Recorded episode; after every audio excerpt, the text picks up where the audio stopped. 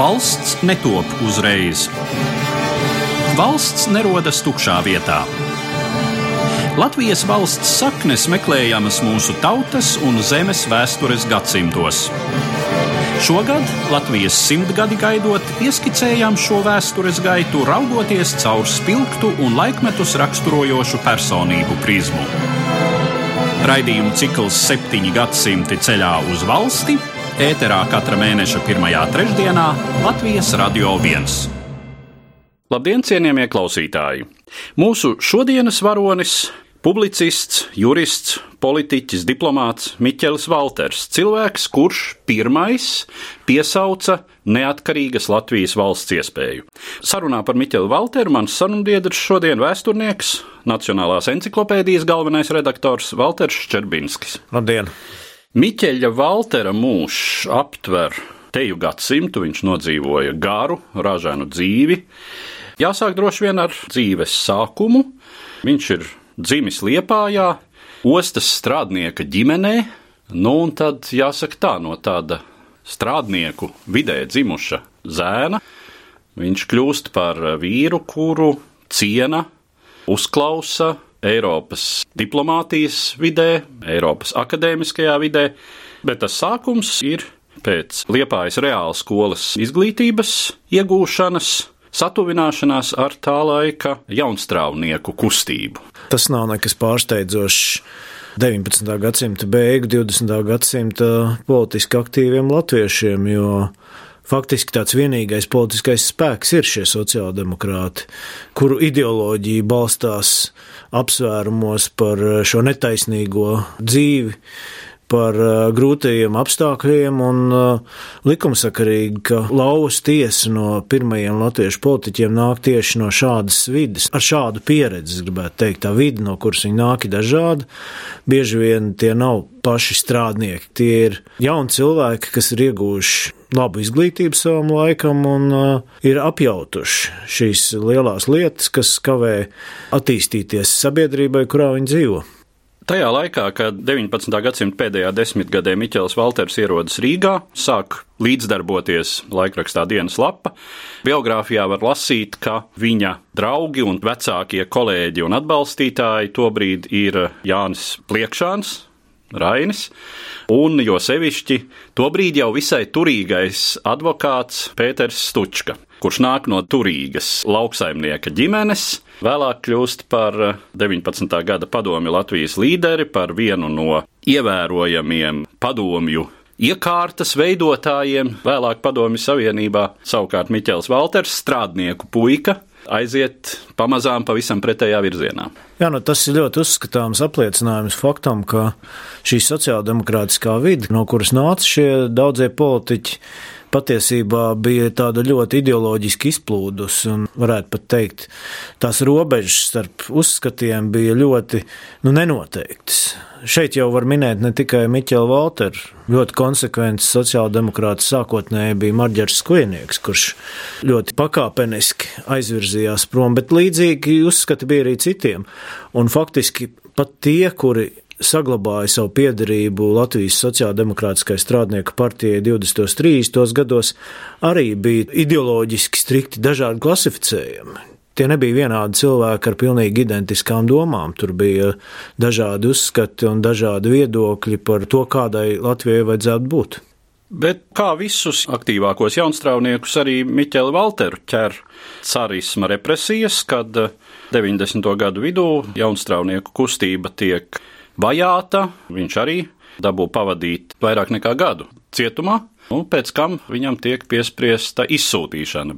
Bet viņš dodas pretējā virzienā, pāriet nelegāli Krievijas impērijas robežu un nonāk Rietumē Eiropā. Jā, no nu, robežas jau ir pavisam netālu no Liepājas šajā Jā. laikā. Bet ir skaidrs, ka šis virziens vilināja daudzus jo patiesībā šīs sociālisma šūpulis jau bija Rietumē Eiropa, un no otras puses Rietumē Eiropa tajā laikā piedāvāja diezgan brīvus, liberālus dzīves apstākļus, pat politiskiem entuziastiem, kur uzskati nesakrita ar tā laika tādiem valdošiem virzieniem. Nu, sociālisti pilnīgi noteikti atrada vietu, kur brīvi darboties, studēt, mācīties un attīstīt tālāk savas idejas tieši Vācijā, Lielbritānijā, Francijā, Šveicē. Miķeļa Valtera gadījumā tā bija Šveice. Hrestomātiskais visu veidu politisko emigrantu patvērums tā laika Eiropā. Tas jautājums, kas tādam vienkāršam Valtera biogrāfijas lasītājam varētu rasties, jā, nu labi, aizbēg no Krievijas kā politiskais emigrants, vēlas studēt un ir ar visnotaļ nepieciešamajām dotībām, bet no kā viņš var pārtikt tur nonācis? Šie sociāldemokrāti, kas nonāca rietumos, protams, saskārās ar šo ļoti triviālo izdzīvošanas jautājumu, un tas tika risināts dažādi, bet tika meklēti dažādi darbi, protams, pirmkārt. Protams, nebija viegli atrast šos darbus, un šie dzīves apstākļi rezultātā daudziem no emigrantiem nebija vienkārši, bet katrā ziņā liela daļa nodarbojās ar rakstīšanu, tādā veidā nopelnot sev iztiku, rakstot arī vietējiem izdevumiem. Šādi panāca to, ka bija iespējams ne tikai iztikt, bet arī uzsākt studijas, un vēlāk neatkarīgās Latvijas laikā varēja lepoties ar diplomiem no dažādām cienījamām augstskolām Rietumē Eiropā kā arī Dzēns Miķels Valters, kurš pabeidza Cīrihas augstskolu. Viņš studēja jurisprudences tiesības. Jurisprudence bija tuvākā nozare, kas palīdzētu izprast un meklēt risinājumus tam, kā izveidot valsti par kuru sapņoja šie sociāldemokrātu emigranti. Un to mēs varam atkal redzēt ne tikai Miķeļa Valtera gadījumā, bet daudz citi. Latviešu sociāldemokrāti emigrācijā tieši pievēršās tiesībām.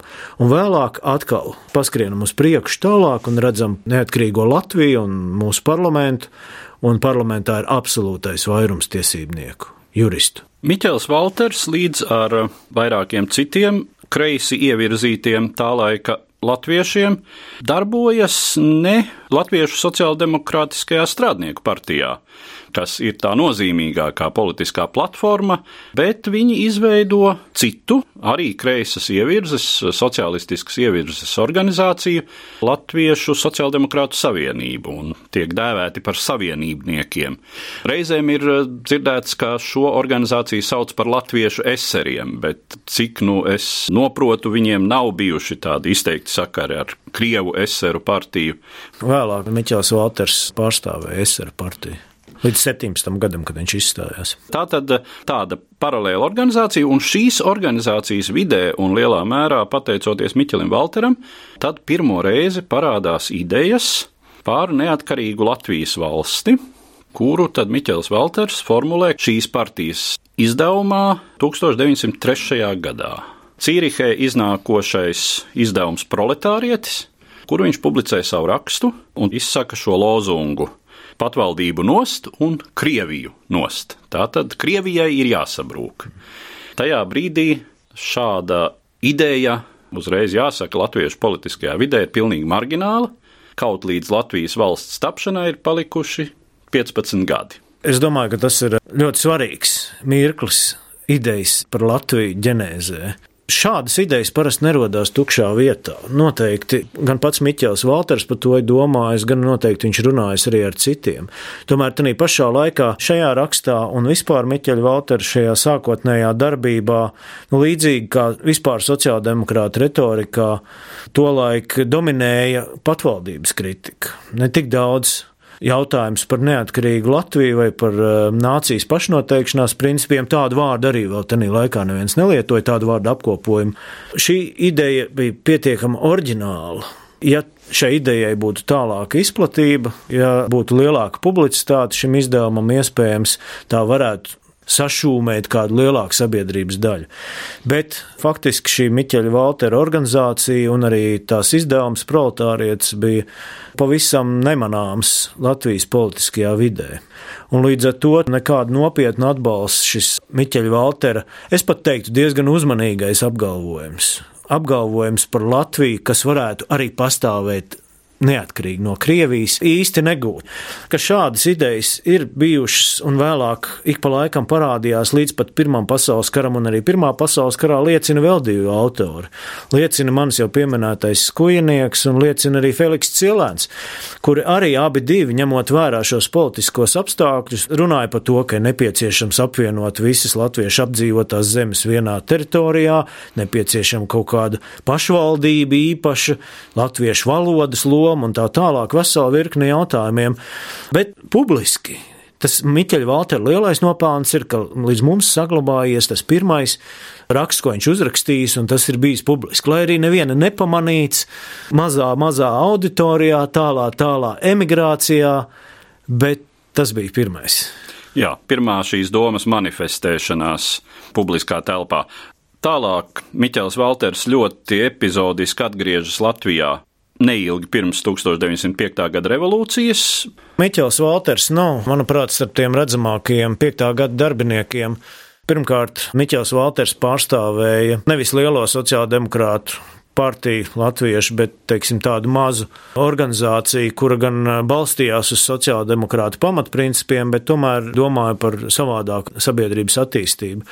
Un līdz ar to ir loģiski, ka Miķels Valters neiesaistījās, netika iesaistīts šajās aktivitātēs, kas norisinājās 5. gada revolūcijā, tik lielā mērā, kādā iesaistījās visi mūsu pazīstamie sociāldemokrāti. Bet pilnīgi noteikti ir skaidrs, ka gandrīz neviens latviešu politiskais darbinieks nekādā veidā nevarēja izvairīties no kaut kādas iesaistīšanās norisēs. Nopietnākā Miķeļa Valtera darbība lielā mērā ir saistīta ar notikumiem pēc 5. gada revolūcijas. Tajā laikā, kad cariskais režīms liberalizējās un vēl vairāk, protams, šī kulminācija ir 1917. gads. Tātad pēc 5. gada atkal emigrācija, atkal uzturēšanās rietumos, Šveicē, kur eh, Miķels Valters tai laikā pagūst aizstāvēt doktora disertāciju, turpat Cīrihē. Tas temats ir, mēs šodien teikt, visdrīzāk politoloģisks par Ļeva Tolstoja uzskatiem. Miķels Valters, protams, sekoja ļoti daudz, kas notiek politikā un domāja. Un ir saglabājušās diezgan daudz liecības šai Miķeļa Valtera pašizglītošanās. Piemēram, viņš sekoja dažādiem parlamentiem, parlamentārām valstīm un ir pētījumi veikti par to, kā viņš ir analizējis Somijas piemēru. Somijas lielhercogiste bija Krievijas sastāvā, taču baudīja ļoti lielu autonomiju, un Somijā bija arī parlaments. Un viņš, teiksim, analizēja šo kā piemēru, kas ir geogrāfiski un kulturāli diezgan tūs Latvijai. Pēc Krievijas 1917. gada februāra revolūcijas gan Walters var atgriezties Latvijā, tajā brīdī vidzemē. Šeit tad notiek Miķeļa Waltera un Kārļa Ulmaņa sastapšanās, par kuru laika biedri ir teikuši, ka sanāca kopā Ulmaņa politiskās taktikas prasme, un tāds reālpolitiskums ar Waltera ideālismu un politiskās teorijas talantu, kam līdzīga laikam nebija tā laika Latvijas politiskajā vidē, un Viņi abi kļuva par šī nacionālā valstiskuma kaldinātājiem, organizācijā, kura arī topot 1917. gada pavasarī Latviešu zemnieku savienība. Kāpēc tieši Latviešu zemnieku savienība? Kāpēc šis politiskais akcents uz zemniekiem? Es domāju, ka tas ir diezgan vienkārši skaidrojams, jo šo strādniecības pilsētu lielākā elektorāta daļu pārņēmuši jau labu laiku bija sociāldemokrāti. Savukārt eh, zemniecības intereses izrādījās atšķirīgas, zemes īpašnieka intereses ir atšķirīgas, un eh, šo interesu paušanai izveidojās tāda organizācija, kas sev nodēvēja par Latviešu zemnieku savienību. Un rezultātā 17. gadā, jau pašā sākumā, šī politiskā partija kļuva par otru nozīmīgāko politisko spēku Latvijā.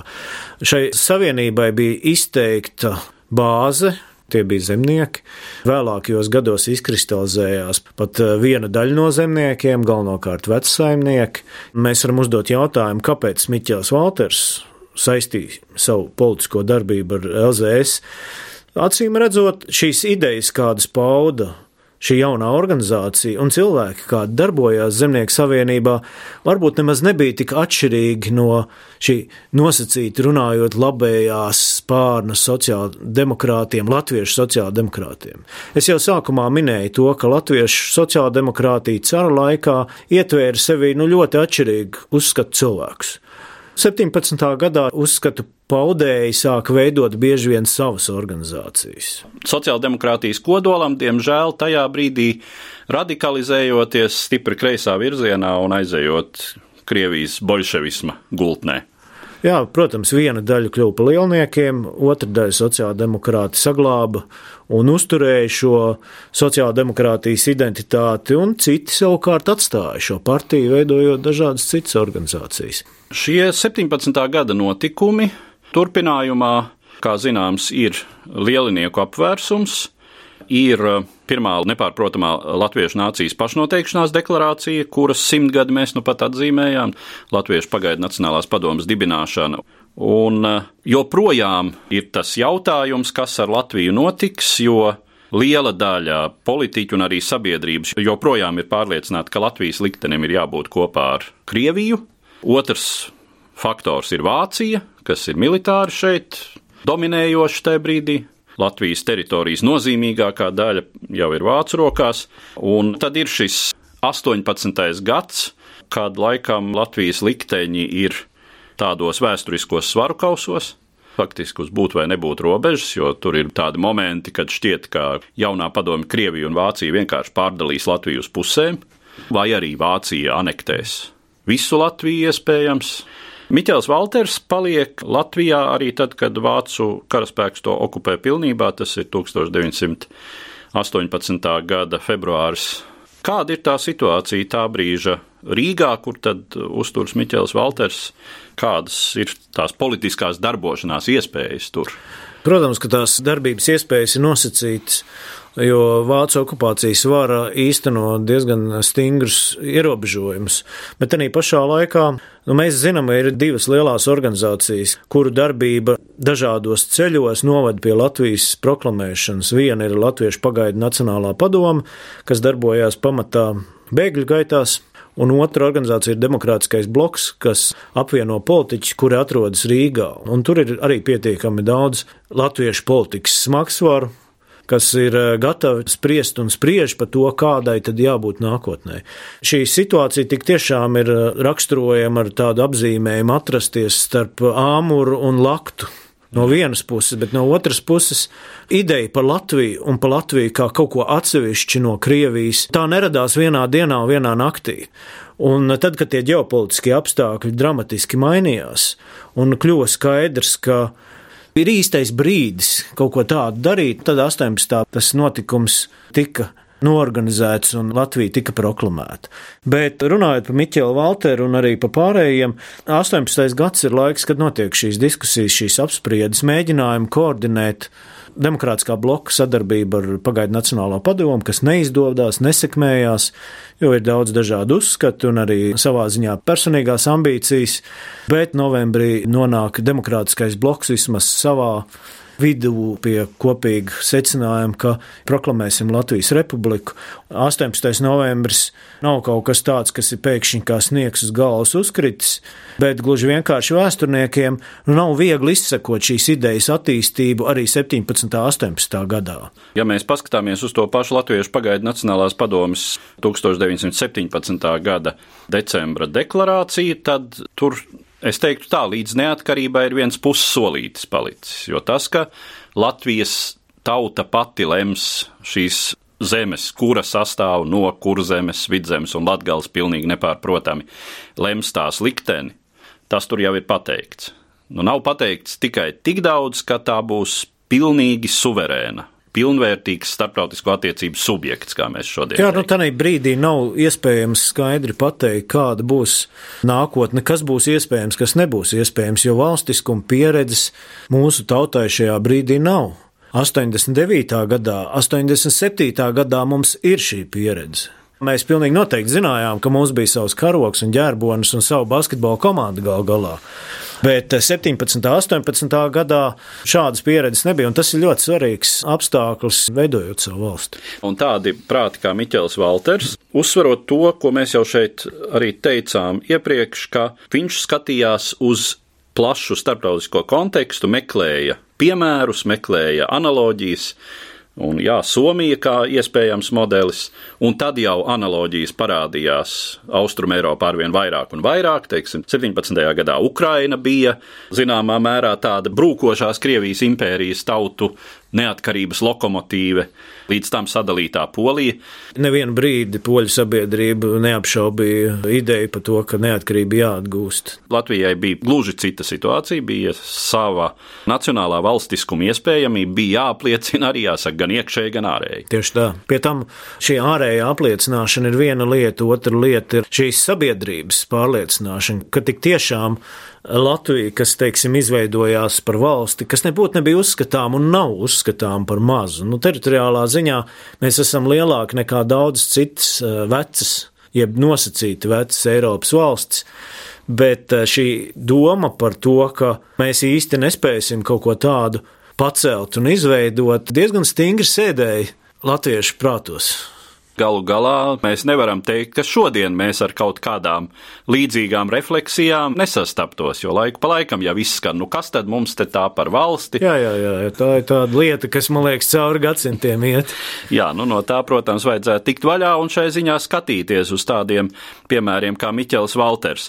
Nu, laikam jau tas brīdis, kad Miķeļa Valtera pārliecība piedzīvo tādu rūdīšanos un vissmagāko pārbaudi ir 19. gada sākums, 19. gada pirmie mēneši, kad viņš jau kā viens no Latvijas pagaidu valdības ministriem uzturs Liepājā, un brīžiem ir tā, ka teju vai viņš ir tur galvenais, jo ir kādas nedēļas, kad Ulmanis pats arī nav uz vietas.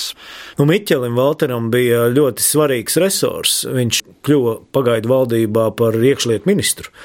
Un būtībā iekšlietu ministrijas uzdevums bija nodrošināt uh, valsts citu iestāžu funkcionēšanu. Ar drošības radīšanu, ar uh, policijas pārņemšanu no vācu okupācijas varas, ar uh, noziedzības izskaušanu un tā tālāk.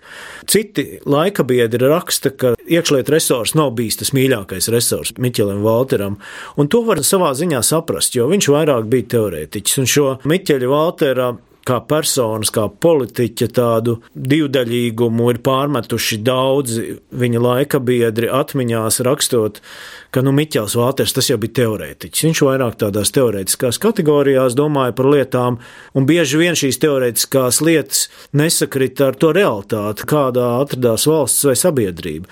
Bet jebkurā gadījumā, vai Valteram patika vai nepatika iekšlietu ministra amats, Latvijas iekšējā drošība 19. gada laikā tika izveidota. Un neapšaubām šeit ir arī, protams, diezgan liels Miķeļa Valtera kā ministra panākums. Nu, ir vairāk lēmumu, kas ir svarīgi Miķeļa Valtera laikā pieņemti, un viens no pazīstamākiem lēmumiem ar tālajošu nozīmi bija aizsarga klaušu dienesta izveide martā. Klaušu dienests neatkarības kara beigās beidz eksistēt un pakāpeniski pārveidojās par šo valsts dienestu aizsarga organizācija. Tas bija ļoti nozīmīgs elements neatkarības kara laikā kārtības izveidošanā, un tas bija ne tikai kriminogēnās situācijas apkarošanā, bet arī sabiedrības iesaistīšanā. Ja iesaista visus cilvēkus, kuri nevar piedalīties kardarbībā, viņi piedalās jaunās valsts pagaidu valdības dažādās aktivitātēs un paši nodrošina šo kārtību savos pagastos, un pēc tam, kad beidzās karš, visiem šiem cilvēkiem ir pavisam savādāka attieksme pret valsti, pa kuru viņi ir cīnījušies, kuras labā viņi ir ziedojuši kaut ko, un tai valstī uzreiz ir cita vērtība. Runājot par Miķeļa Valtera tālāko darbību pēc 1920. gada, viņš neiekļaujas Latvijas aktīvākajā politikā. Viņš nekļūst par partiju darbinieku, bet uh, aiziet diplomātiskajā dienestā. Ne Miķelim Valteram, nevienam citam nebija nekādas pieredzes ārlietās. Visi šie cilvēki, kas iesaistījās ārlietu dienestā, mācījās strādājot. Cita lieta, ka Miķelim Valteram tiešām bija ļoti liela politiskās darbības pieredze. No otras puses, man šķiet, šo viņa diplomāta karjeru tā ārkārtīgi pozitīva, ar ārkārtīgi augstu atzīmi īsti negribētos vērtēt. Miķelim Valteram bija kritumi un pacēlumi. Saistīti, manuprāt, ir ar faktu, ka nu, Miķels Valters nebija tāds vienkārši ierēdnis. Viņš bija vīrs ar pieredzi, vecāks gados nekā caurmērā ārlietu dienas darbinieki, cilvēks ar savu stingru pārliecību, ar plašām domām, un bieži vien šīs lietas nonāca pretrunā ar viņa diplomāta darbību, jo diplomāta profesija prasa tomēr zināmu savu viedokļu ierobežošanu. Es domāju, ka Miķels Valters noteikti nevēlējās iedziļināties dažādās birokrātiskās detaļās, Un tas radīja problēmas, piemēram, Parīzē, kur Valters pildīja sūtņa pienākumus, tātad Latvijas sūtnis Francijā. Audits konstatēja diezgan lielas nekārtības. Jāsaka, ka likumsakarīgi savā ziņā bija tas, ka Miķels Valters zaudēja šo sūtņa amatu un turpināja strādāt karaļaučos par ģenerālu konsulu, kas jāuzskata par pazeminājumu. Vēlāk Miķels Valters nonāca Varšavā un pašās beigās Briselē. 30. gados Brisele bija province diplomātijā. Laika biedri mēļoja, ka Miķels Valters ir aizsūtīts sagaidīt pensiju. Runājot par um, Miķeļa Valtera gaitām šajā ārlietu resorā kopumā, jāsaka, ka tas neapšaubām sekmēja viņa viens no tuvākajiem draugiem, un tas bija Kārlis Ulmans. Tiek uzskatīts, ka Kārlim Ulmanim faktiski bija viens tu draugs, un tas bija Miķels Valters. Tas, man liekas, ir ļoti labs rādītājs. Īpaši šai vietai, Miķelim Valteram, šajā Latvijas politiskajā hierarhijā, īpaši pēc 15. māja apvērsuma. Vai 15. māja apvērsums un vispār Latvija, kura veidojās savā pirmajā de facto neatkarības posmā, atbilda tam, kā Miķels Valters to bija iecerējis, atbilda viņa ideiskajiem uzstādījumiem. Nu, es domāju, ka kopumā jau Miķels Valters bija pieredzējis demokrātijas funkcionēšanu Šveicē un citur Rietumē Eiropā, un, un nekas daudz viņu nepārsteidza. Un es domāju, ka viņš ņēma vērā to nelielo pieredzi, kāda latviešiem bija demokrātijas un partiju politikas kontekstā. No otras puses, šis autoritārais režīms Pilnīgi noteikti, spriežot pēc viņa saraksts ar Ulmani, nebija tas, kas patika, kas likās Miķelim Valteram pieņemams. Nu, lai gan šeit daudzi laika biedri atkal kritizēja Miķelu Valteru, ka no vienas puses Miķels Valters izteica šo neapmierinātību ar autoritāro režīmu, bet arī pašā laikā neko jau īsti nedarīja, lai šo režīmu mainītu. Viņš gan rakstīja Kārlim Ulmanim vēstules ļoti atklātas, kurās izteica kritiku par dažādām lietām, kas ir īstenotas režīmā, gan par šo vadonības kultu un tā tālāk, bet no otras puses turpināja būt sūtnis Viņš bija viens no tādiem izsvērtākajiem un zinošākajiem un teorētiski argumentētākajiem režīmu kritiķiem. Katrā ziņā šī saraksta ar Ulmanu ir interesanti, jo šajā sarakstā diezgan nesaudzīgi tiek autoritārais režīms kritizēts. Ulmans zināja, ko Valters domā par šo režīmu, bet joprojām visu laiku Valters turpināja atrasties sūtņamatā. Kas daudz ko pasaka arī par Kārlu Ulmanu. Daudz ko pasaka gan par Kārlu Ulmanu, gan par vispār šo politisko vidi, šo īpatnējo autoritāro režīmu, kāds izveidojās. Šī režīma samtainums, kā mēs to reizēm mēdzam apzīmēt. Mm. Runājot par Miķeļa Valtera mūža pēdējām desmitgadēm, kas paiet jau kā trimdiniekam. Viņš dzīvoja Francijā, mira Nicā. Bet eh, vai nacistu laikā viņš paliek Beļģijā, es nevaru atbildēt. Katrā ziņā Miķels Valters neiesaistās nekādās lielās trimdas organizācijās, un es domāju, ka tas ir savā ziņā saistīts ar faktu, ka pirmkārt viņam ir diezgan daudz gadu jau. Viņš ir 75. gadā dzimis, tas nozīmē 45. gadā viņam ir uh, 70 gadu. No otras puses, Eiropa nav šo trimdas aktivitāšu lielāko organizāciju centrs, un jo īpaši Francija, kur viņš dzīvo. Bet Miķels Valters, ja mēs paraugamies uz visu viņa dzīvi, ir tomēr bijis arī savā ziņā tāds sava ceļa gājējs, kas vienmēr ir bijis nos no kaut kādiem lieliem virzieniem, nos no lielām organizācijām. Viņš gan piedalās Zemnieku savienībā pašā sākumā kā tāds domu virzītājs un lietu formulētājs. Ideja ģenerators. Ideja ģenerators, bet viens no tādiem zemsaviešu politiskiem līderiem. 20. un 30. gados Adolfs Klīvs vēlāk trimdā rakstīja, ka viņš faktiski pat šaubās, vai Miķels Valters vispār formāli bija LZS biedrs. Viņam bija draugs Ulmans, no kura viņš daudz ko uzzināja, un kuram viņš izpauda savu sāpi par politiku. Un lielā mērā tas tā arī palika. Un tas tā arī palika savā ziņā pēc Latvijas okupācijas, kad Miķels Valters gan rakstīja, publicēja savu sarakstu ar Ulmanu un tā tālāk, bet tomēr kā cilvēks, kā politiķis, kas ir kaut nedaudz nost no visa procesa. No otras puses, viņa lomu, vietu, viņa milzīgo dzīves pieredzi mūža nogalē novērtēja, pie viņa brauca, runājās, uzklausīja viņa atmiņas. Latvijas neatkarības laika politiķu dzīve trimdas laikā ir ļoti interesanta, un šeit mēs varam arī redzēt kaut kādas līdzības un atšķirības, ja teiksim, tie, kas ir bijuši aktīvi, kuru asinīs ir bijusi darbošanās, tie arī līdz mūža galam palika aktīvi dažādās organizācijās, piemēram, Bruno Kalniņš, kurš bija ievērojami jaunāks nekā Miķels Valters, bet nu, līdz pašām beigām Bruno Kalniņš bija aktīvs gan Latviešu sociāldemokrātu kustībā Zviedrijā, gan arī starptautiskajā šajā sociālistiskajā internacionālē. Savukārt tie, kuri bija vairāk tādi orientēti uz intelektuālām lietām, uz savrupu politiku, tā arī īsti neiekļāvās šajās lielajās latviešu aktivitātēs. Ar to mēs droši vien arī varētu noslēgt mūsu šodienas sarunu, kas bija veltīta Miķelim Valteram, kura nopelns cita starpā ir pirmo reizi publiskajā telpā definēta pilnīgi neatkarīgas Latvijas valsts ideja. Mūsu raidījums top Latvijas simtgades programmas ietvaros. Un par šo sarunu es saku paldies manam sarunbiedram, vēsturniekam, Nacionālās encyklopēdijas galvenajam redaktoram Valteram Ščerbinskim. Paldies, uz redzēšanos!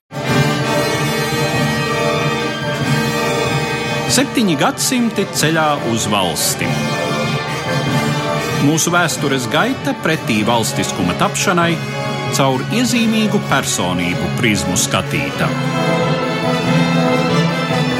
Raidījumu cikls ēterā katra mēneša pirmajā trešdienā Latvijas Radio 1.